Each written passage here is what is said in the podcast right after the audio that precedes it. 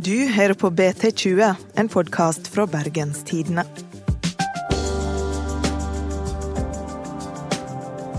Historien om hvordan politiet i Bergen banka opp folk i heisen, er nærmest blitt ei urban legende. Men får vi noen gang vite om historiene er sanne? Noen mener politivoldsforskninga fra 70-tallet er svindel og løgn, mens andre mener politiet forsøkte å skjule hva de gjorde. Over 40 år etter skandalen starta, er saka igjen aktuell. Mitt navn er Ingvild Nave.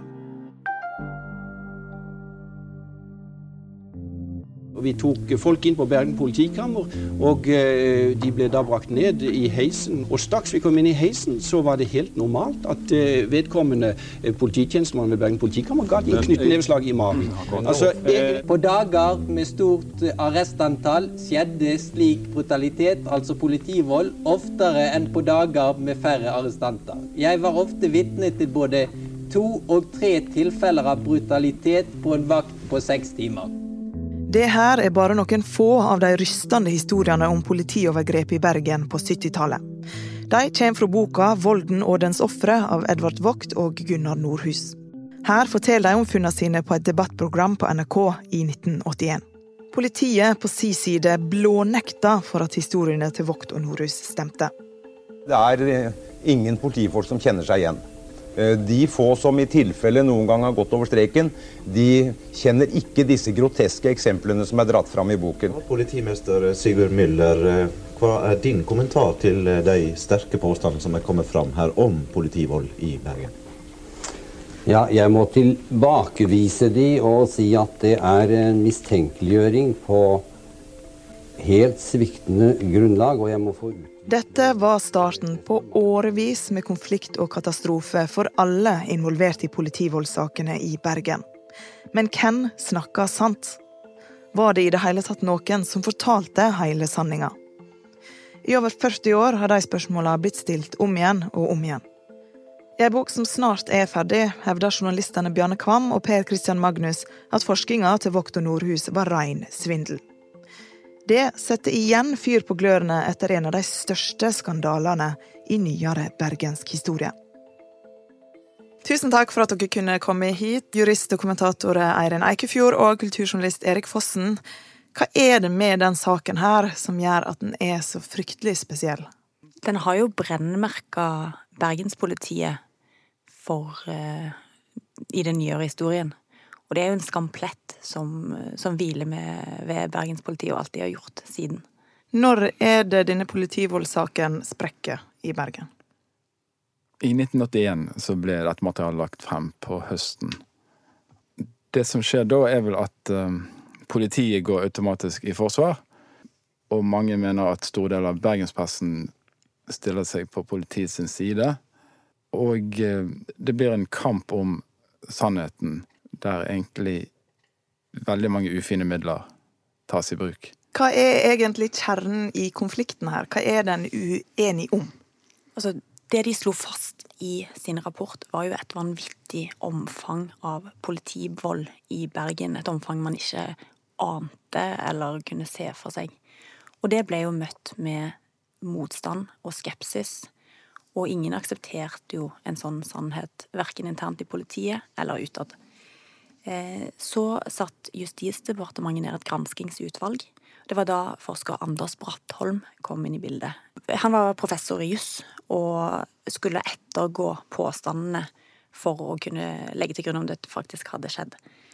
Så han eh, eh gikk gjennom veldig mange av disse påståtte overgrepene og har gitt eh, Foktor Nordhus medhold i sin rapport. At Brattholm støtta forskerne, faller ikke i god jord hos politiet.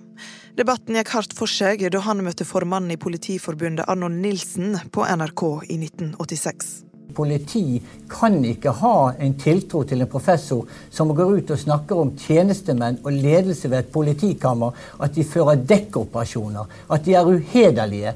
Det jeg har sagt om ledelsen i Bergen, er at den kanskje ikke alltid har vært så dyktig den burde være. Og den eh, har vanskelig for å innse de store problemer ved Bergen politikammer. Ja, Men jeg vil ikke sagt et ondt ord, bortsett fra at de burde vært litt flinkere og mer våkne. Altså, du har sagt så mange onde ord at egentlig så ville jeg ikke fått sove om natten hvis ser, var professor Brattom. Eh, men så var òg dette kontroversielt. Så til slutt så sendte Riksadvokaten en etterforskergruppe fra Oslo politidistrikt som skulle etterforske kollegaene sine i Bergen.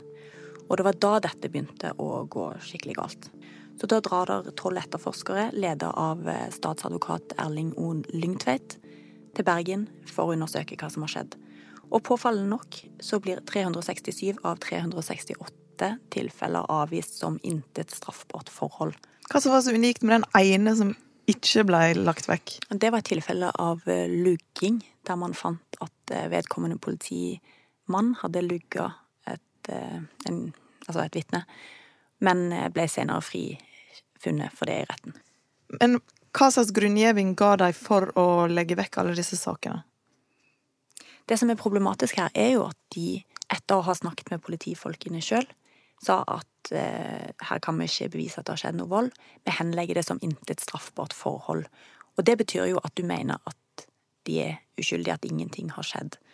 Og det ble jo klaget på i ettertid, at man henla på det grunnlaget, fordi at en ikke egentlig har visst hva som har skjedd. Og det ble jo òg oppfatta som at politiet renvasker seg sjøl og sine kolleger. Ordbruken i denne saken var jo veldig krass. Fra politiets side så ble jo forskerne beskyldt for desinformasjon for å skade politiet, bevisst løgn. Så det mange var forbanna på Vogt og Nordhus etter ja, dette? Ja, absolutt. Og det var jo leserinnlegg i Bergens Tidende lenge som snakket om en verdenskommunistisk sammensvergelse og villedende aksjon fra forskerne sin side. Og da levde jo politiet og forskerne i en slags uh, fiendesituasjon. Politiet mente forskninga til Nordhus og Vogt var løgn. Forskerne på sin side mente de ble trakassert av politiet. Konflikten var intens. Det førte til den såkalte hasjsaken, der Norhus hevda politiet planta hasj i ei fyrstikkeske i bilen hans. Her ble episoden skildra av Dagsrevyen på NRK og Nordhus sjøl i filmen 'Bumerang'. Nordhus har hevdet at bergenspolitiet har forfulgt ham og stanset ham i en bilkontroll for å finne hasj politiet selv kan ha plantet. Striden står om hvorvidt denne kontrollen i det hele tatt har funnet sted. Jeg vasket bilen en lørdag ettermiddag hjemme på tunet. Og eh, da jeg tok opp matten for å rydde og, støvsuge, så fant jeg en fyrstikkeske. Jeg kikket oppi den, og da så jeg at det ikke var stikker som lå der oppi. Ble faktisk helt skremt. og Jeg gikk ut i et lite skogsterreng like ved tunet og gjemte stikkeesken der. Hvorpå jeg kjørte nedover mot sentrum. Og der ble jeg stanset av en politipatrulje i Storetvedtveien. Disse undersøkte bilen min eh, meget nøye, og de undersøkte bl.a. i bagasjerommet og, og, bak i bilen hvor denne stikkeesken hadde, hadde lagt. Trafikkontroll på Storetvedtflaten, den sa de at hadde aldri funnet sted. Politiet i Bergen reagerte jo nærmest med hysteri når denne hasjsaken ble kjent. De hadde aldri eh, plantet noe hasj i bilen min. Oslo-politiet sier at bergenspolitiet har ikke gjort noe galt. Hva skjer så? Da har de denne famøse pressekonferansen i 1987 der eh, statsadvokat Lyngtveit går veldig langt i å si at bergenspolitiet er frikjent. Pressen skriver at forskerne er henretta. Dette var bare, nærmest bare oppspinn, og de setter et, liksom et generelt punktum for alle de spekulasjonene som har vært i så mange år. Hva skjer etter bergenspolitiet blir eh, frikjent? Det som skjer da, er at mennesker som har fortalt uh, Frukt og Nordhus om vold de mener har blitt utsatt for av politiet, de får de forklaringene tilbake i trynet som en bumerang. Jeg tror det er 15 av disse forklaringene som Oslo-politiet har uh, vurdert, ender i uh, at personer blir tiltalt for falsk forklaring og havner i retten. Og parallelt med dette så foregår det jo en del andre etterforskningsskritt. Nordhus, Vogt og Anders Brattholm blir etterforska for medvirkning til falsk forklaring. NRK-journalistene Trond Strand og Arne Wam blir eh, etterforska for injurier fordi at de var kritiske mot politiet. Og så er det en kvinne fra Amnesty International som er mistenkt for å bestikke vitner og avhøre berusa vitner. Og akkurat den siste påstanden ble faktisk fremsatt av en statsadvokat i Bergen i et leserinnlegg, så det er veldig mye underlig som foregår i kulissene her. Vent litt, Bergens politi begynner basically å etterforske alle som har vært kritiske mot deg? Litt sånn. Det er jo litt rart. Absolutt. Nå skal vi ha en kort melding fra en av de andre poddene her på huset. Vi er straks tilbake. Hei, jeg heter Sigrid Haaland og har en bra podkast om næringsliv som du bør sjekke ut. Vi snakker om hvordan batterier revolusjonerer skipsfarten. Hva det egentlig betyr når vi sier at oljebransjen blir digital. Og hvordan kvinner former teknologiutviklingen, for å nevne noe. Og podkasten kommer fra Sysla og heter Det vi lever av. Legg den til i podkastlisten din, så høres vi snart. Bumerang er jo et veldig passende navn på disse sakene. Er det noen som blir dømt? 10 av 15 tiltalte ble dømt til fengsel rett og slett for å gitt falsk forklaring om politivold. Politiet mente at disse hadde diktet opp volden og overbevist forskerne. Eller kanskje til og med i samarbeid med forskerne diktet opp voldshendelsene for å ta politiet. For forskerne var jo òg samtidig sikta for medvirkning til falsk forklaring. I Bergen byrett går nå straffesaken mot forskeren Gunnar Nordhus mot slutten. Nordhus skal ved forskjellige anledninger ha vitnet falsk og fått andre til å vitne falsk mot politiet, for å så mistanke mot hele etaten for trakassering av sin person. Det er på mange måter en komedie som har utspilt seg i Bergen byrett de siste tre ukene. Flere av sakene som tiltalepunktene omhandler, er direkte latterlige. Det er f.eks. ikke bevist, mener Staff, at en politimann ikke skal ha kalt Nordhus for en god fanden, og at Nordhus ikke på andre måter er blitt trakassert og forfulgt. Og Staff la altså ned påstand om full frifinnelse. Men ble de dømt? Nei, for det viste seg i den eh, saken mot Nordhus, som var den eneste som faktisk førte fram, at aktoratet sine vitner, altså de som vitna på vegne av politiet, ble òg avdekka at de forklarte seg falskt i retten. Så mye falsk forklaring ute og gå. En skulle jo tro at når en kom til bumerangsaken, så var det case closed, men det er det ikke. I 1995 vel, så kom det en film laget av Gunnar Vikene og Trond Quist her i Bergen, som fortalte bumerangofrenes historie. Altså disse som hadde blitt dømt for falsk forklaring om politivold. Dokumentarfilmen rundt politivoldssaken i Bergen. Bumerang heter den. Han sto bak meg og heiste meg opp etter håret. Så sto han igjen og slo meg i magen. Og så kom akkurat han av vakten. Så lå han sikkert merke til var hvit eller blå i trynet. For jeg fikk ikke puste når han slo. Så jeg hev han vekk og skrek. Og nå. Du må jo se at han har fått nok nå.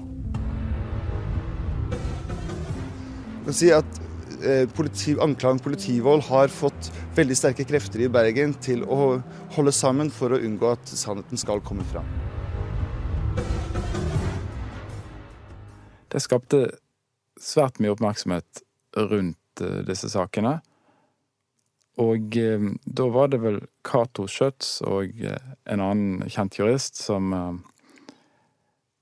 som tok initiativ til en gjenopptakelse. Og gjenopptakelsen av bomerangsakene endte med at Høyesterett enstemmig kom til at det ikke de hadde tillit til den domfellelsen av de som ble dømt i bomerangsakene.